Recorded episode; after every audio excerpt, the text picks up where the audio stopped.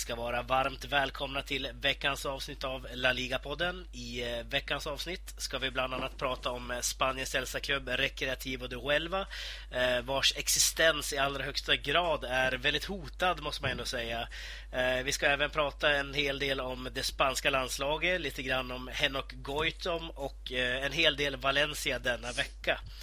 Eh, Daniel Jakobsson heter jag och precis som förra veckan och veckan innan det och hela vägen tillbaka till hösten 2014 när vi drog igång med den här podden så har jag med mig Sam Seider denna vecka. Eh, hur är allt med dig Sam? Tjena, det är fint. Det är fint. Eh, shit, det har gått så lång tid. Hösten 2014. Snart är det ja. tvåårsjubileum. Ja, det är ju nästan det. Vi börjar närma oss 70 avsnitt skulle jag tro. Vi är ja, 67 eller någonting tror jag. Vi har för mycket fritid. Ja, för, för lite att göra kanske. ja, nej men det är kul att vi kö, köttar ja. på vidare liksom. Verkligen. Uh, och uh, i detta avsnitt så har vi också, eller med oss den här veckan ska jag säga, så har vi även en debutant i form av Sami Klang som gör sitt första inhopp här i podden. Uh, hur är allt med dig Sami? Jo då, det är bara bra. Så att det är perfekt. Ja, härligt. Med i podden också. Du är ju faktiskt en av våra mest trogna lyssnare får man nästan säga. Och, eh, du har ju skickat in eh, massa, eller massa, du har skickat in en fråga tidigare och så vidare och sen hörde jag av dig nu att du ville vara med och då plockar vi såklart in dig. Ja, det är, det är mycket roligt att få vara med här. Ja, mm. och du, ditt favoritlag är då Valencia. Yes. Eh, hur, hur kommer det sig att man börjar hålla på Valencia i eh, Sverige? Det, är, det hör ju till bland eh, ovanligheterna men mm. Det var någonstans 2007 eh, när Valencia mötte Inter i eh, Champions League åttondelsfinal. Mm. Och uh, jag har aldrig riktigt, även om jag är svensk, har jag aldrig riktigt tyckt om Zlatan och då blev det att man höll på, på motståndarna av någon anledning och då föll det att det var Valencia och de hade ju spelare som fångade upp en med Via, Silva och Mata och, och alla de här, och framförallt ja. Albelda. Ja, precis. Albelda. Var det den här hetsiga matchen när det blev några armbågar? Ja, ja, det var, just, det var ju mycket bråk där va? Ja. Ja, sprang runt på plan. Ja, nej, men det är jättekul att ha med dig här Sami. Ja. Uh, jag tänkte att vi direkt ska hoppa på första programpunkten då. Som ja, du känner till ganska väl, då, Sami. Veckans fråga. Mm. Uh, som denna vecka är inskickad av Thomas Högklint. Och hans fråga gäller de spanska akademierna. Eh, hans fråga lyder så här då, som han har skickat in till laligapodden.gmail.com ska vi säga. Eh, och ni får jättegärna skicka in era frågor, synpunkter och ämnen eller, eller om ni vill vara med i podden för den delen. Eh, skicka det till våran eh, mail så kollar vi upp det och förhoppningsvis tar vi med det nästa vecka. Eh, och Thomas Höglinds eh, fråga då lyder så här. Eh, hur skulle ni ranka de spanska akademierna? Är La, Masia, La Masia, La Masia, jag har alltid svårt med det uttalet, den bästa? Eh, har vi eller har vi någonsin haft en svensk på La, Mas, La Masia, Sam? Oh, eh, den andra frågan blir svår. Det känns, känns lite spontant, jag borde kunna den. Men om vi börjar med, med rankingen av de spanska akadem, eller akademierna så blir det ofta så att Barcelonas akademi lyfts fram och eh, det är ofta den som uppmärksammas i, i media och så. Eh, och även i den svenska kontexten. Men faktum är att eh, Spanien överlag har väldigt bra akademi, akadem, akademier. Så det är akademiker vill jag säga hela tiden. akademier. Och tittar man runt i, om i fotbolls-Europa så kommer spelare från olika akademier från Spanien. Där, där de här spanska storspelarna som kanske inte slår, slår igenom i de här storlagen, Barcelona eller Real Madrid, ofta tar, eh, ja, men är ganska tongivande spelare i klubbar, till exempel i England. Eh, så det ju, visar ju på bredden i, i de spanska eh, akademierna. Däremot skulle jag vilja lyfta upp Villarreal som jag tycker har en eh, väldigt eh, ska man säga, de har en tydlig idé. Det finns en, eh, en spelidé, en filosofi som man hela tiden, som hela tiden genomsyrar var, varje liksom, ungdomslag tills man kommer upp till A-laget. Och det kan man se att det är en väldigt välskött klubb och det gäller framförallt när det kommer till akademin. Ja, precis. Det är som du nämner här, lite mindre klubbar också som man kanske inte tänker på, som Real Oviedo för den delen. Mm. Eh, som har fostrat spelare som Santi Cazorla, Juan Mata, Michi och även en av de största genom tiderna i spansk fotboll, Luis Aragones. Aragones. Mm. Eh, så att det finns många av de här akademierna. Liksom. Eh, vad har du för akademier du skulle vilja lyfta fram här, Sami? Eh, alltså, till att börja med så, eh, så ska man ranka en som högst upp så, så får det nog bli eh, La Masia. Eh, de har ju tagit fram spelare som, som inte hör hemma på denna planet och ni vet säkert vem jag syftar på. Det är både Iniesta, Xavi och Messi. Mm. Bara de tre säger det mesta. Men som Sam säger eh, när han plockar fram Villarreal, jag skulle även vilja lyfta fram eh, nere i Bilbao. De har också tagit fram fina spelare där nere också och det är väl en liknande filosofi som Villarreal har. Att mm. de och nu är väldigt imponerad den här säsongen av Iñaki Williams mm. som är en fröjd för ögat. Absolut. Eh, sen kan man även lyfta fram, som sagt, det, hela Spanien har ju generellt väldigt bra tränare och ungdomstränare framförallt. Ja. Eh, och en klubb som, som Sporting Gijon exempelvis som eh, inför den här säsongen hade, inte fick värva spelare. Eh, man har ju plockat fram många egna spelare, värvat spelare på free transfer och förvisso lånat och så vidare. Men de har ju en väldigt fin akademi där uppe i norr. En annan norrklubb som jag skulle vilja lyfta fram är Celta Vigo som när de tog klivet, när de åkte ner till Segundan mm byggde upp hela sitt lag, hela klubben på den här äh, galiciska andan. Och även om många har lämnat sedan dess så är det fortfarande den som lyser igenom i hela klubben. Äh, men, men den sista frågan här som äh, mm. Thomas ställde Sam. Har vi haft någon svensk i La Masia? Jag, jag, tror inte vi har det va? Nej, alltså jag har någon sån artikel i bakhuvudet där det var någon som i alla fall åkte ner och provtränade bara för några år sedan faktiskt. Eh, men jag är inte säker på huruvida denna personen blev inskriven i slutändan. Eller så. Eh, nej, jag, jag, jag, har också ett vagt minne av att Jordan Larsson har faktiskt varit och tränat i Barcelonas akademi. Det lär han ha gjort under liksom, Larssons tid där. Just det. Ja. ja. Har du någon koll på det Sami? Nej, faktiskt inte. Men det slår mig tanken att eh, det borde väl vara så. Jag för mig att Jordan har varit där eh, under en kort period och provat på i alla fall under, eh, under Henriks tid där nere. Mm, precis, han måste vara väldigt ung då nästan, eh, mm. Jordan. Mm. Men eh, ja, men härligt. Jag tror vi ska gå vidare och vi tackar dig Thomas för den frågan. Eh, hoppas vi svarade på den någorlunda. Annars får du väl höra av dig igen helt enkelt. Eh, jag tänkte att vi ska gå vidare och snacka om Recreativo Huelva El Decano, Spaniens äldsta klubb. Den är ju faktiskt på väg att försvinna nu eventuellt, vilket är väldigt tråkigt tycker i alla fall jag. Ehm, till att börja med här, Samme, hur, hur skulle du liksom känna om nu Recreativo skulle försvinna från den spanska fotbollskartan? Nej, det skulle, det skulle vara extremt tråkigt att behöva ta, ta bort en så, så fin klubb i mina ögon. Eh, mm. Och med, med så trogna supportrar som har hjälpt till ekonomiskt och samlat in pengar för att kunna betala domarna och, och även spelarna har varit eh, och spelat utan, utan lön i åtta månader. Så att det, ja. det, det, det är en fin klubb. Verkligen. Eh, Sam, vad grundas egentligen den här eh, soppan som man får säga i att Rekreativos eh, ekonomiska situation ser ut som den gör? Alltså den grundas ju egentligen, om man, såklart, all ekonomisk kris i Spanien grundar sig i den ekonomiska krisen från 2008 där. Mm. Eh, och där det har slagit hårt mot hela industrin och hela staden rekreativ och då är, blir, är, är inte fotbollslaget ett undantag. Eh, och eh, har man tyvärr inte sponsorer, företag som fungerar i regionen, då kommer det vara väldigt svårt att få in pengar. Och har man ingen oljeshejk som kan kliva in, då blir det ännu svårare. Ja. Eh, när, när fotbollen marknadiserar, mark, har, har blivit liksom en marknadsprodukt nu, mer än att det ska vara något ja, som man fortfarande hoppas på. Någonting fint och som alla kooperativt och kollektivt äger ihop. ja, precis. Och man har ju också en ägare nu, Pablo Comas här, som eh, vägrar sälja klubben dessutom. Ja. Eh, det var en lokal eh, affärsman i Huelva som försökte köpa upp den här klubben nu men han har ju tackat nej till det. Och det var ungefär runt 22 miljoner euro där som är skulden som Rekreativo har nu. Vad, vad känner du Sami? Varför tror du att om det det är väldigt svårt för oss att veta. Liksom. Men varför tror du att han inte vill sälja den här klubben? Är det för den gamla för att det är så anrikt och att han vill hålla kvar vid någonting gammalt och inte släppa den vidare utan kanske istället låta den dö ut? Jo, det, det, det ligger väl någonting i att, eh, att behålla det som har varit så länge och att, eh, att, att inte släppa in eh, ny, alltså investerare men som det ser ut just nu så, så finns det inte så mycket andra val. Eh, och han verkar vara envis och eh, vilja ja. hålla kvar vid det. Så att... Precis, och det här är alltså då en klubb som är Spaniens äldsta men de har ju bara varit uppe i premiären fem gånger Sam. Mm. Eh, vilket är ganska liten då för en sån klubb. Men hur skulle du uppleva det ifall den här ifall Rekreativo 11 går i graven? Nej, det är ju...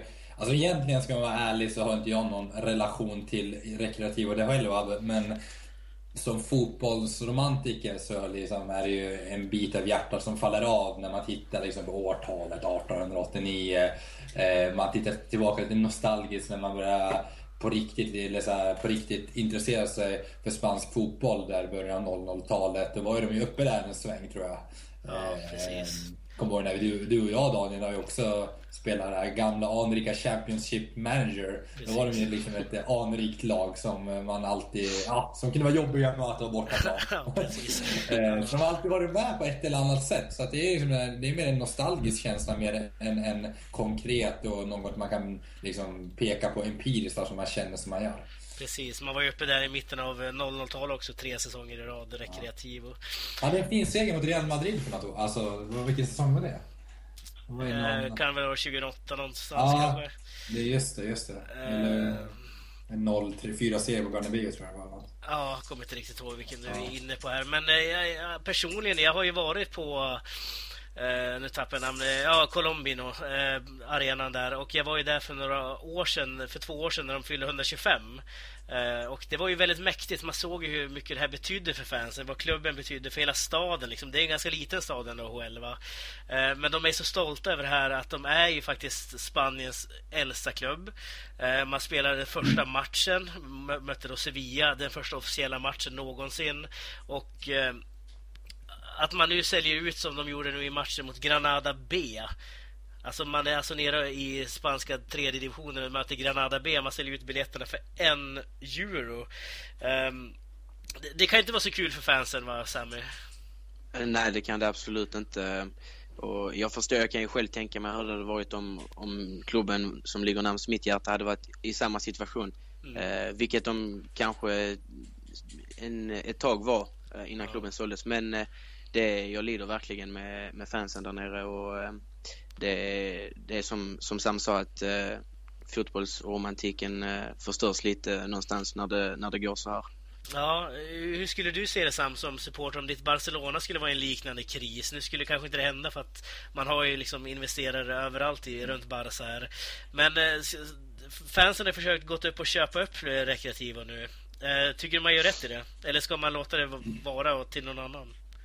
Nej, alltså om man kan eh, liksom få det medlemsstyrt så är det helt fantastiskt och något man ska kämpa för. Så jag tror med sådana trogna fans så kommer de på något sätt lösa det. Jag tror inte att den här klubben kommer försvinna. Den är alldeles för anrik för det.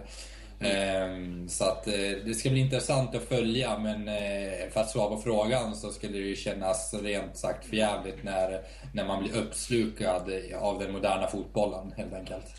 Om ja. ens favoritklubb blir det, det vill säga. Ja, precis. Och det här är som vi ska runda av här tänkte jag nu, men det är ändå lite tråkigt att vi diskuterar de här med tanke på hur mycket rekreativa faktiskt har betytt för den spanska fotbollen. Det är ingenting man tänker på idag. Man tänker på Real Madrid, Barca, El Clasico och så lite Athletic Bilbao, lite Valencia, lite Atletico. Men mm. det är ju ändå här någonstans fotbollen en gång började i Spanien. Det är därför vi sitter och har den här podden till att börja med. Liksom. Mm. Och det kan vara svårt för oss här i Sverige att relatera till. Det kan bli säkert ännu mer känsligt. Alltså, det är klart det är det. För spanjorerna själva där nere. Precis, det har ju debatterats väldigt mycket i många tidningar där nere hur, hur det ska gå tillväga nu. Real Oviedo räddade man ju för några år sedan. Då klev ju spelare som Cazorla och Mata in. Men nu har ju inte Rekreativ och den eh, de gamla spelarna där riktigt som kanske sticker ut på samma sätt. Men vi får se vad som händer med rekreativ och vi hoppas de överlever såklart. Mm. Vi ska faktiskt sätta stopp för del 1 här och eh, när vi är tillbaka ska vi snacka Valencia.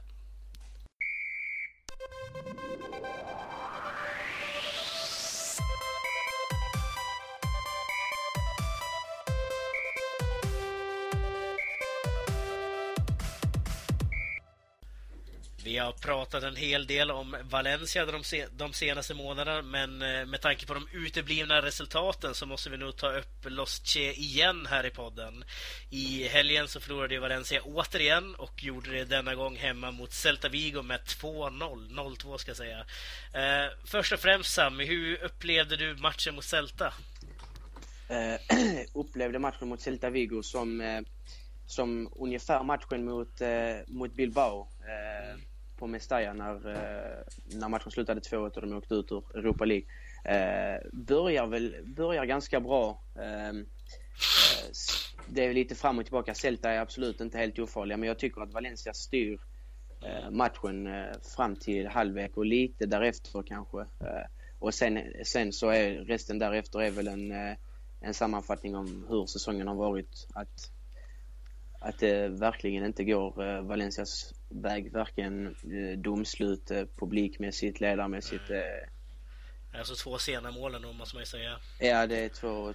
Vi får faktiskt ge Guidetti det att det var mycket fint mål och framspelning av Oriana tror jag det var. Mm, precis. Eh, hur, hur, upplevde du matchen Sam? Tyckte du det var rättvist att eh, Celta lämnade Mestalla med tre poäng? Både ja och nej. Alltså, stundtals ser Valencia bra ut men det, det, är svårt att säga om det är för, för att man börjar hitta någonting i Gary Nevilles filosofi eller om det faktiskt bara egentligen beror på individuell skicklighet. Så att, eh, därför blir man lite osäker. Eh, men det var absolut inte orättvist på något sätt. Det är för det första två fantastiska mål, både av eh, Hugo Mayo och eh, vår egen Guidetti. Och Celta Vigo är starka och oavsett Valencias form och så, så är det väldigt svårt att komma till Mestalla och ta tre poäng. Så det, det, var en väl genomförd match helt klart av Berizos mannar. Ja, vad, vad, vad var det man utnyttjade tyckte du i Celta? Ja, men det, man utnyttjar framförallt sin eh, sina kontringar utnyttjar men också att man är väldigt, man, man glömmer ofta hur spelskickliga Celta Vigo är. Alltså, Oriana mm. är ju en spelare som faktiskt ofta hamnar i skymundan bakom liksom, Nolito, som i och för sig var skadad nu, eller Asbas. Men tittar man på hur de rör sig, hur de snyggt hittar trianglar ganska enkelt när de väl har bollen. Att det inte blir den här stressen eh, bara för att man är kanske tillbakapressad. Utan man kan faktiskt lösa situationer med sitt skickliga possessionspel. Det gör dem väldigt oförutsägbara och svåra i sina kontringar. Ja, om, om vi vänder på frågan där Sami, vad, vad, vad, vad, tycker du Valencia saknade i just den här specifika matchen? Eller om du vill dra en längre utläggning om de andra matcherna också. Vad är det Valencia saknar just nu? Ja, framförallt så saknar de en idé på planen. Eh, eh, det, det har vi sett sen eh, del, alltså delar av, av när Nuno var tränare och även när, när Neville har kommit in så har, så har spelet sett ännu sämre ut och eh, som Sam tidigare nämnde att det, man, man, kan luras om det är Nevilles eh, fotbollsfilosofi eller om det är individuella, individuella kvaliteter. Och eftersom att det är så fåtal matcher som de har gjort bra, jag, jag tänker främst mot, eh, mot Bilbao på hemmaplan och eh, även båda matcherna på Mestalla detta året mot eh, Barca och, eh, och Real, så har man gjort det bra men jag, jag vill tro att det är individuella kvaliteter med tanke på att man inte, man inte klarar av det mot, mot de sämre lagen och att det är det är lite speciellt att spela mot, mot Barca och Real och därför att eh, spelarna eventuellt höjer sig ett snäpp. Ja, men du är inne lite grann här på Nevilles spelfilosofi. Vad är hans spelfilosofi? Har han något spelsystem som han eh, lutar sig tillbaka mot? Alltså, ska, jag kan helt ärligt inte se, se något, eh, något mönster han försöker, eh, han försöker eh, bygga i, i Valencia. Eh, han eh, han litar mycket på, på det individuella, att spelarna ska, ska klara av det på sin egen hand och sen att eh, han eh, anpassar sig mycket efter motståndarna eh, i, eh, i varje, från match till match. Och det, det håller inte om du, ska, om du ska styra ett lag som Valencia. Det, det ser vi ju på resultaten som, som uteblivit. Mm, håller du med Sam? Tycker du att han också saknar lite grann av en spelfilosofi i det här Valencia? Gary Neville ja, alltså. Ja, jag, jag, vet inte heller riktigt vad hans filosofi är och det är ju inget man har kunnat se tydligt genom att titta på någon Valencia-match. Man har inte blivit klokare för det. Eh, däremot så har väl Neville mer pratat om avsaknaden av eh, ledartyper på planen. Jag tror han har nämnt ja. Albella i något yeah. sammanhang. Eh, och, det säger, no, ja, och det säger någonting om Neville att är man lite så här traditionell av sig, då tittar man ofta tillbaka på så stora spelare och säger att det här ska vi få mm. tillbaka snarare än att försöka utveckla och se någonting, komma med något nytt. Och det är lite farligt kan jag tycka. Ja, precis. Och han har ju även varit ute i media, eller inte han har varit, utan det har ju uppmärksammats i media att han nu eh, under landslagsuppehållet istället för att kanske fokusera fullt ut på Valencia så är han alltså, han är fortfarande assisterande tränare i engelska landslaget och han ska alltså mm. stötta det engelska landslaget istället för att fokusera fullt ut på Valencia. Hur, hur, hur känner du inför det Sami? Nej, det, det jag, jag finner faktiskt inte ord för det. det det är extremt, det är nästan så det kliar lite under naglarna. Det är irriterande för att ja. han, till att börja med så kan han inte, han kan inte prata spanska och då kan man tänka att kan han inte kan han inte språket och så ska han, eh, ska han ha huvudet på två ställen samtidigt. Det, det kommer verkligen inte funka och med tanke på hur det har sett ut nu så, så blir saken absolut inte bättre. Så att jag tycker det hade varit bättre om, eh, om han hade släppt det engelska landslaget. Eh, ja. Eller om jag hade fått bestämma att han hade släppt Valencia. Ja, precis. Men alltså om vi kollar här nu Sam, det är alltså ett Valencia i ren kris. Alltså det är ju, ja. det, vi, vi går, de går ju rakt ner i tabellen här Sam. Vad, vad, tycker du om att han stöttar engelska landslaget i en sån här situation? Ja, jag tycker också att det är sjukt olämpligt. Det är väldigt olämpligt. Speciellt, hade det varit en sak om man hade kommit in i Valencia och gjort dundersuccé, då hade han kanske mm, förtjänat det. Men nu är ju omständigheterna och det som, den, den, här, den här negativa trenden, den negativa formen och de uteblivna resultaten. Det faktum att han inte pratar spanska, att han verkligen inte ens var intresserad av att lära sig spanska.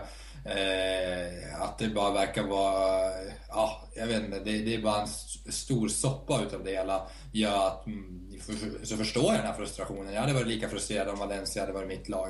Så att, eh, nej, eh, Gary Neville, jag önskar jag kunde ge honom en till här senare i programmet, men det kan jag inte göra.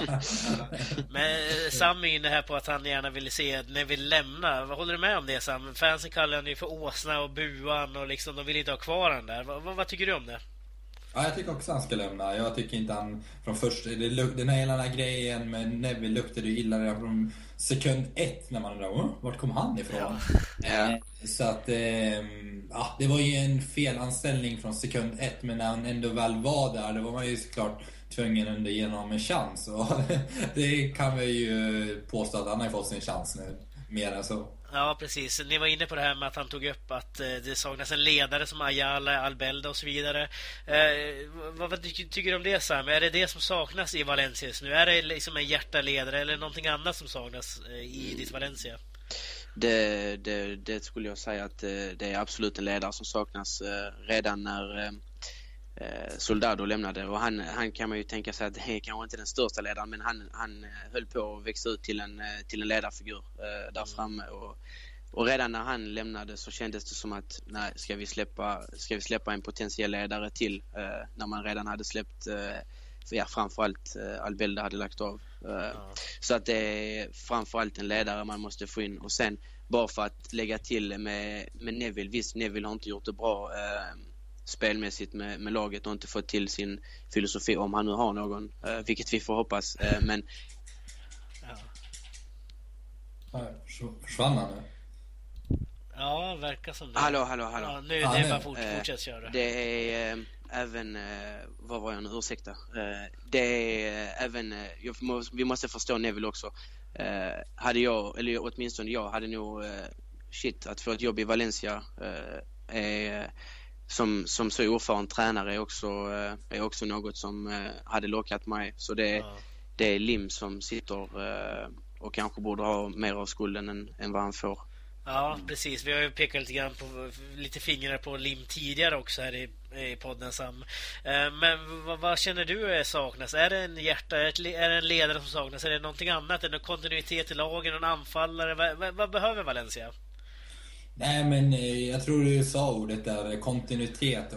Och sen så kan man inte bara se det som ett mål i sig. Man kan inte få kontinuitet med fel tränare, utan man ska få en tränare man jobbar med långsiktigt eh, som faktiskt har en idé. Och i det här fallet så i Valencia så saknas både, båda två de komponenterna. Man har varken kontinuitet eller vad vi kan eller se just nu, en tränare med en tydlig vision eller idé.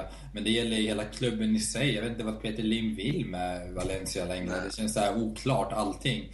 Eh, så att eh, det är ju allt, det är som det är ett strukturellt problem. Precis. Eh, om vi kollar på det kommande schemat här nu då för Valencia.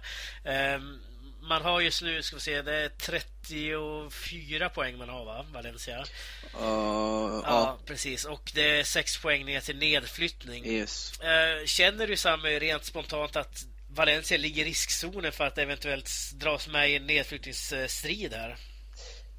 Det, det, är svårt att säga. Så ska jag gå på hur, hur jag tycker det ser ut så är det absolut eh, absolut i riskzonen. Det finns ingenting i spelet just nu som tyder på att eh, de ska ta eh, fler trepoängare. Eh, å andra sidan så är, det, så är det ändå Valencia man pratar om. Med, ja. En så stor klubb som Valencia ska, ska inte få ramla ner. Men som läget ser ut just nu så, så är man skarpt orolig för det. Ja, det förstår jag. Alltså, förra året så behövdes alltså 37 poäng för att åka ur La Liga. Ja. Man är tre poäng ifrån det, men nu å andra sidan, botten har ju börjat vakna nu.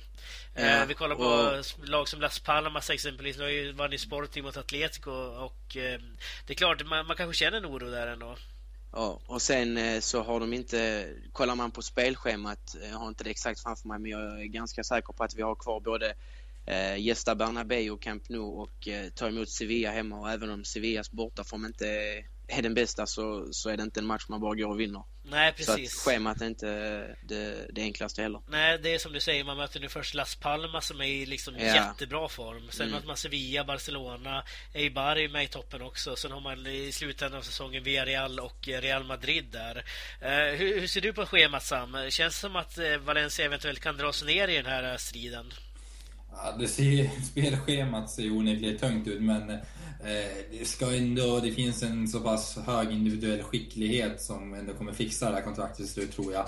Eh, men sen ska man inte, man, man ska nog ändå vara lite orolig. Jag tycker att det här påminner väldigt oroväckande, på, liksom, oroväckande likt det som vi upplevde med Zaragoza för några år sedan.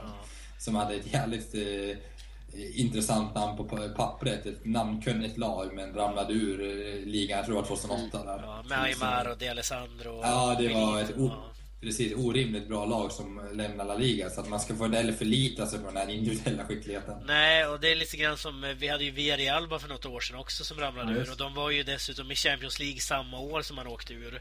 Mm. och det, det, visar väl lite grann på bredden i den här ligan också som är ganska underskattad tror jag bland många i Sverige framförallt. Mm. att det, det, det, krävs ändå att en klubb som Valencia de måste ju i alla fall ta sex poäng känner jag rent spontant för att klara det. Man brukar ju mm. ofta säga att 42 poäng ungefär är väl det. Då, då kan man känna sig säker. Men det är ju en bit kvar för Valencia att ta det ändå. Eh, så vi, vi får väl helt enkelt vänta och se hur det går för ditt Lostche. Eh, yes. I framtiden här. Men eh, vi, vi ska sätta stopp för del två här nu. Och i del tre som även är den sista ska vi snacka landslag och Henok Goitom. Thank you.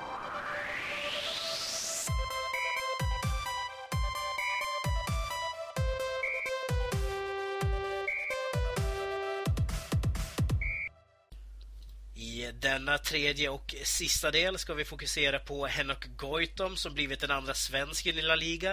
Eh, men vi ska även lägga en hel del fokus på det spanska landslaget som spelar nu till veckan mot Italien och Rumänien. Eh, om vi börjar med att titta på den spanska landslagstruppen här Sam så ser vi bland annat att Diego Costa inte är uttagen. Däremot så är Aritz Adoris uttagen. Hur ser du på det bytet? Eh, ett, ett bra byte faktiskt. Eh, Aduris är ju som på nytt född. Inte för att han har somnat någon gång tidigare eller begravts utan eh, han har faktiskt hållit en jämn må, många år men att han faktiskt har exploderat lite bara på senaste tiden, det senaste året. Eller år, två åren. Eh, så att jag tycker det var ett bra val med tanke på att Costa och hela Chelsea har dalat. Eh, men eh, ja, men det är ett kortsiktigt val. Men å andra sidan är ju EM runt hörnet, så varför inte? Precis, han är ju 35 år gammal nu Aduri, så han sa liksom att ålder visst, men passion, det har ingen mer än mig av. Uh, hur ser du på det här Sami, att eh, Diego Costa lämnas? Det är många som ifrågasätter det här, ska jag säga också. Att uh, Vicente Del Bosque lämnar Diego Costa hemma. Han har ju sagt att det är för att Chelsea överspelar Costa. Men uh, man har även läst i intervjuer att Del Bosque har varit lite missnöjd med Costas beteende på senare, ja, senaste året faktiskt. Jag ser det som realistiskt att Adoris kanske kliver in och ersätter Costa inför truppen här? Eh, det, det, tror jag absolut. Som, som Sam är inne på, eh, Chelsea har dalat och, och Costa har inte varit i, i storform kanske. Men, men å andra sidan så matcherna han har, han har fått spela i landslaget så har han, om jag inte missminner mig, så har han faktiskt inte utmärkt sig något speciellt. Um, och då har både, i mitt tycke, Paco Alcázar och Morata eh, gjort, det, gjort det bättre när de har fått spela och därför tycker inte jag att, eh, att det är några konstigheter att Costa lämnas utanför. nu när dessutom Adoris gör det så bra som han gör det Bilbao är fantastiskt. Med, med den åldern han blir bara bättre och bättre. Precis, och det, det är intressant att du nämner här också Diego Costa i spanska landslaget. Han har ju bara gjort ett mål på tio ja, matcher. Precis. Uh, och det, mer än så måste man ändå kunna kräva av en anfallare av den rangen som han ändå är, Diego Costa. Ja. Han är väldigt högt uh, rankad i Spanien och uh, i England. Då. Ja, fortsätt. Men jag tycker också att när, när Costa väl har fått spela och och Spanien håller så pass mycket boll som de gör så tycker jag inte att han passar in för att vi, vi såg hur bra han var under eh, José, Mourinho, José Mourinhos tid i Chelsea och det är när, mm. när han får ytan, eh, när han har mycket yta framför sig. Eh, och det får han ju inte riktigt när, när han ligger runt straffområdet och Spanien trillar boll. Så att då är det nog bättre att ha en Adoris som, som, som inte är så delaktig kanske i, i spelet men när bollen väl är där inne så, så missar inte Adoris ett läge nästan. Nej, eh, en annan om vi ska gå vidare intressant spelare tycker jag, Adoris är ju väldigt aktuell måste man säga. Men en annan som är ganska aktuell det är Sergio Roberto i ditt Barcelona Sam. Eh, han är uttagen för första gången nu i Del Bosques trupp och eh, han, eh, Del Bosque har ju sagt att han kanske ska använda Roberto som en eh, innermittfältare. Hur ser du på det? Alltså Sergio Roberto har ju en helt fantastisk utveckling i Barcelona. Eh, alltså det är ju flera år nu det har varit rosenrasande kommentarer. Dels här på Les Rambles men även liksom runt om Barcelona-kretsar. Att vad gör han i truppen? Vad bidrar han med? Eh, och svaret fick vi egentligen av Guardiola för många år sedan. Han, han, han sa vänta, Roberto kommer blomma ut. Och i, i år har han verkligen blommat ut. Och eh, Eh, verkligen tagit ansvar. Han eh, har spelat en helt fantastisk fotboll, speciellt i höstas när Barcelona hade en ganska tunn trupp när Arda och Vidal nu inte kunde spela, fick lite skador. Alltså han kan spela överallt. Han kan vara så här, högerback, innermittfältare, höger ytter, forward. Eh, klev in där i ett, ett klassiko på en position han inte hade spelat en enda gång på hela säsongen och liksom öppnar upp matchen med en fantastisk prestation och assist till Suarez. Eh, så att det här är en en underskattad spelare som verkligen förtjänar den här platsen. Till skillnad från typ Mark Bartra som jag har liksom kritiserat för, för tidigare landslagsplats. Precis. Är han redo för EM då tror du? Han är, han är med här. Han är med igen, Mark Bartra. Jajamän, precis. Men ja. är, om vi fortsätter på Sergio Roberto, är han redo för EM tror du? Om han nu blir uttagen till det? Ja, han har tillräckliga kvaliteter för att slå sig in i en trupp. Men eh, sen kan det nog finnas spelare som ändå har vissa spets Eh, egenskaper som inte Roberto har som kanske går före i hierarkin. Mm. Eh, vad, vad, säger du om Sergio Roberto, Sam? Tycker du att han eh, förtjänar sin plats här?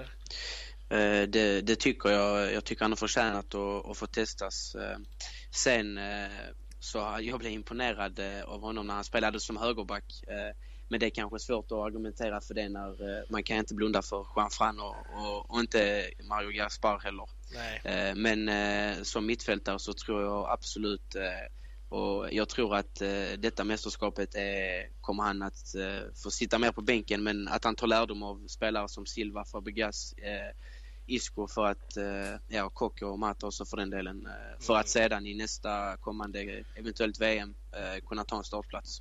Ja, alltså Del Bosque har ändå gjort några ställningstaganden här måste man ändå säga. Han tar bort alltså Carvajal igen, tar in Gaspar här, han tar in Nolito igen, lämnar Cazorla utanför, Nacho Fernandes är med, Inigo Martinez inte med.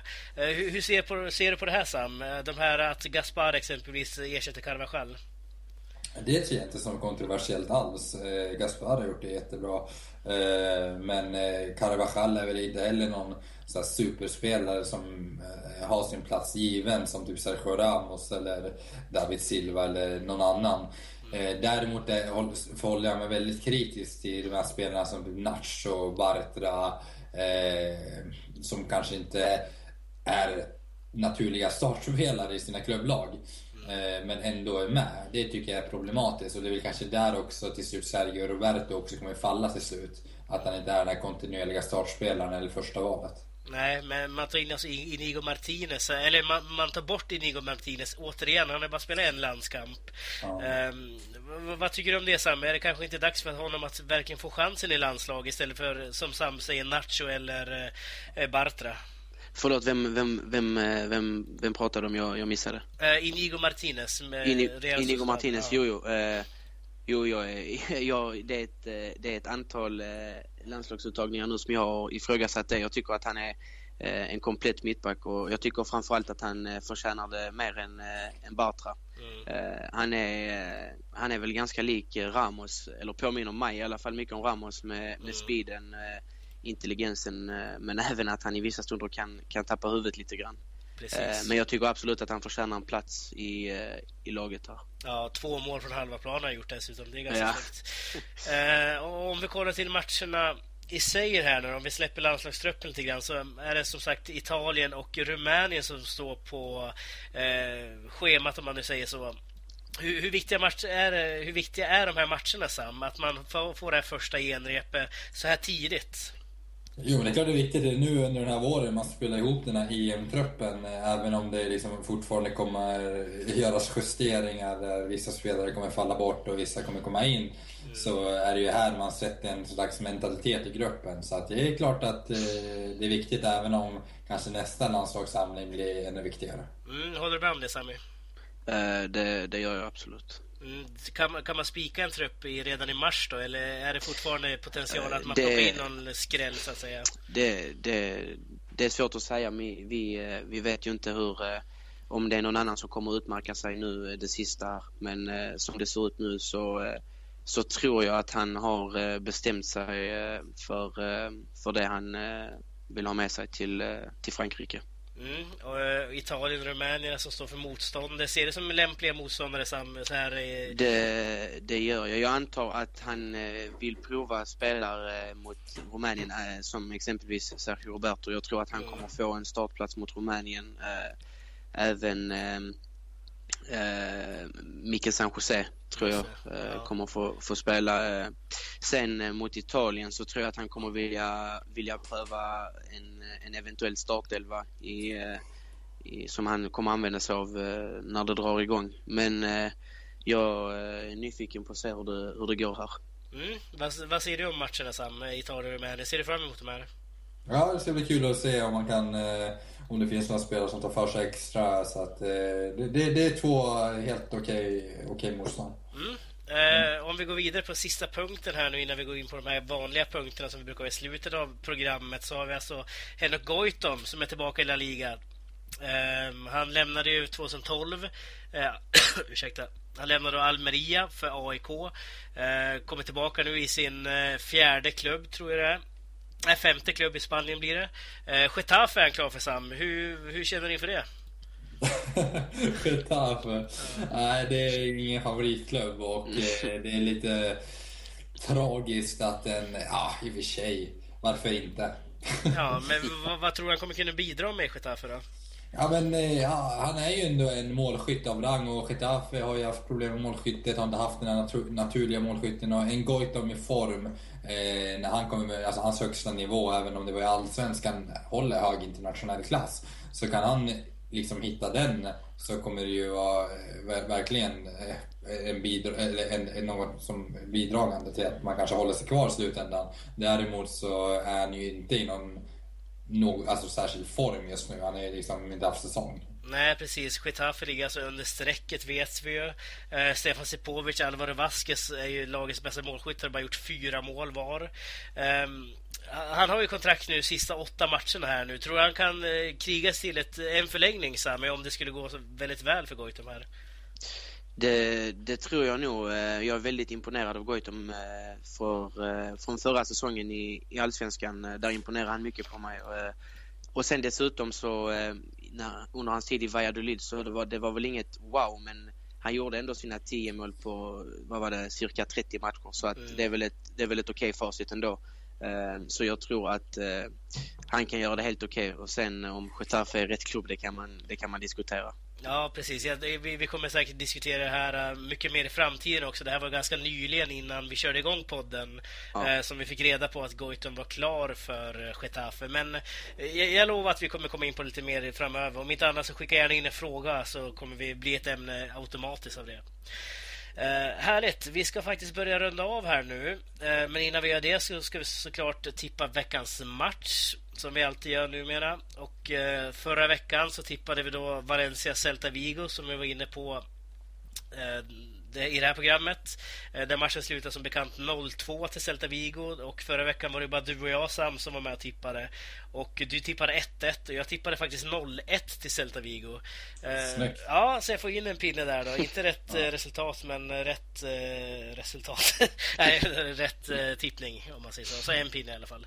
Eh, den här veckan så tänkte jag att vi skulle tippa i och med att det inte är något, vi får ju landslagsuppehåll här nu så det är ju en landskamp vi ska tippa. Italien-Spanien tänkte jag. Eh, om vi börjar med dig då Sami. Vad, vad, hur går det i Italien-Spanien? Italien-Spanien slutar, eh, nu vet jag, nu missminner jag mig om det är Italien spelar hemma va? Jajamän. Ja, så matchen kommer att sluta 0-2. Eh, ett mål av eh, Paco, får jag, Paco Alcacer får jag dra in då och mm. ett av Sergio Ramos. Okej, okay. ja snyggt. 0-2 säger jag. vad säger du Sam? Ja, jag tror det blir en 1-1 match. Det blir den italienska defensiven och sen så får man ändå in en boll på slutet där. Ja, jag var lite grann inne på det också faktiskt.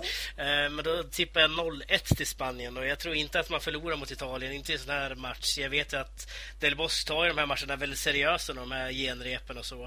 Eh, så jag tror man kommer gå väldigt hårt ut här för att vinna Spanien.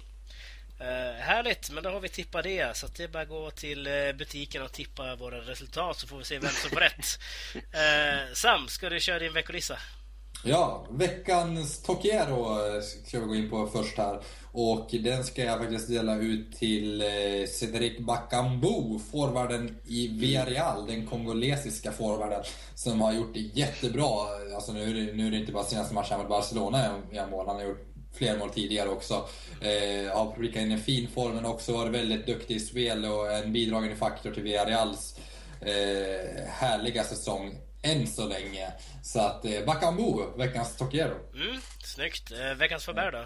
Veckans favör kommer jag ge till Diego Simeones uttalande angående den kinesiska marknaden. Vilket, ah, jag kände inte... Det var lite klumpigt uttalande, även om jag kanske höll med honom halvt i sak att jag kan förstå den här frustrationen att man måste anpassa sig till den kinesiska marknaden. Och, men just de här uttalandena att nej, i Spanien där ska det vara spanska tider som gäller och skit i marknaden i, i, i Kina liksom. Varför anpassa oss efter dem? Och, och sen å andra sidan så får man in miljoner från den marknaden för att kunna köpa en Grishman och så som man ändå njuter ganska mycket av. Så att ja, det blir man måste nog eh, vara lite bättre liksom, påläst, mediatränad och använda rätt vokabulär för att inte eh, framstå bara som en, eh, ja, i stort sett surgubbe. Klubb. surgubbe. ja, precis. Ja, du, du hänvisade tillbaka till eh, helgens match där när Atletico spelade 12-0 på lördag eh, mot Sporting Gijon. En match som man förlorade också. Då skyllde han lite grann på tv-tiden där och att eh, var väldigt sarkastisk måste man ändå säga. Skyller på Kina. Ja, mer eller mindre. Ja, härligt. Men vad, vad köper du listan Sammy? Det, det får jag göra, även om jag hade... jag, jag håller med, men Faubert hade han kunnat ge till Neville. Gary Neville, ja. ja han fick det förra veckan. ja, ja, Okej, okej, okej. Så innan podden, eh, innan jag pratade med Dan eh, ja, förut, då sa jag ska jag ge den till Neville igen? ja, ja, det är väldigt lätt att ge den till. Även Javier ja. Tebas som vi diskuterar är väldigt enkel att ge den. Ja, Tebas ja. När det trivs där, då blir det Neville. ja. Neville, Getafe eller Javier Tebas, härligt. Eh, men då så, tack så jättemycket för att du var med den här veckan Sami. Tack så mycket, tack, tack. Eh, det var jättekul att du hörde av dig också och det får ni jättegärna andra, ni andra lyssnare göra också om ni vill vara med, med i podden. Eh, hör av er då till laligapodden gmail.com och eh, om ni inte vill vara med kanske ni vill ta upp ett ämne. Ni kanske har synpunkter på vad vi gör, om det är bra eller dåligt eller om det är något, någonting annat, en fråga som ni vill ställa så kanske vi tar upp det nästa vecka. Besök gärna laligapodden.se också, vår hemsida, där lite gamla klipp och sånt finns. Men ja, härligt. Tack så mycket för att du var med också Sam. Eh, vi hörs ju nästa vecka. Då är vi tillbaka ja, med en ny gäst och nytt program. Tack för oss. Hej då! Hej då! Hej då!